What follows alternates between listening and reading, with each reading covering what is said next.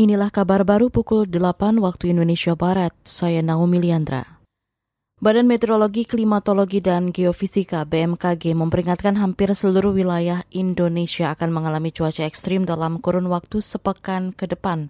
Kepala BMKG Dwi Korita Karnawati meminta masyarakat waspada sebab BMKG memprediksi potensi curah hujan dengan intensitas sedang lebat yang dapat disertai kilat atau petir dan angin kencang yang terjadi di seluruh provinsi. Kondisi itu kecuali di Sumatera Barat dan Nusa Tenggara Timur sehingga hampir merata di berbagai wilayah Indonesia, terutama diawali dari Indonesia bagian barat, nanti berangsur bergerak ke Indonesia bagian tengah, dan akhirnya Indonesia bagian timur. Dan akhirnya akan menjadi merata silih berganti. Selain Madden Julian Oscillation, juga interaksi gelombang Rossby ekuatorial dan gelombang Kelvin yang secara tidak langsung dapat meningkatkan pertumbuhan awan hujan di beberapa wilayah Indonesia dalam beberapa hari ke depan sampai sepekan ke depan. Kepala BMKG Dwi Korita Kanawati menjelaskan cuaca ekstrim berpeluang terjadi akibat berbagai fenomena global, regional, dan lokal. Saat ini kata dia terjadi anomali kondisi suhu muka air laut Indonesia yang lebih hangat daripada normal, disertai kondisi suhu muka air laut di Samudra Pasifik dan Samudra Hindia yang lebih dingin.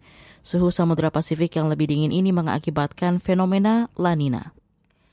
Menteri Pariwisata dan Ekonomi Kreatif Menparekraf Sandiaga Uno mengatakan industri kreatif Indonesia bisa terus berkembang dan bisa menjadi tonggak kekuatan Indonesia menghadapi ancaman resesi yang diperkirakan akan terjadi pada tahun depan.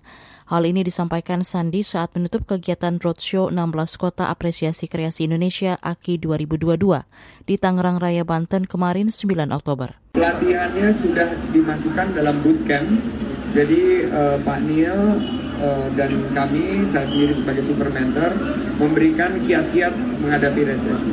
Dan resesi yang kita prediksi tahun depan ini bisa kita atasi kalau kita perkuat UMKM.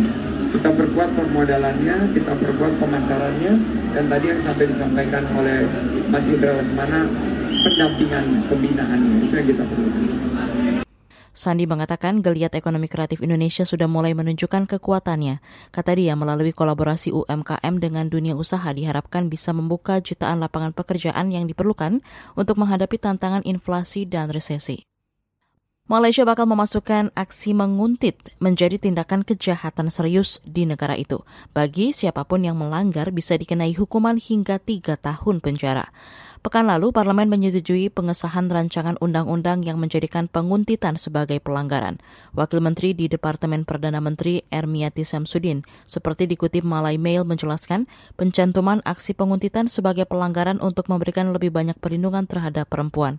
Ermiati meyakini mulai sekarang mereka yang rentan dan membutuhkan perlindungan yang lebih baik akan mendapat perlindungan.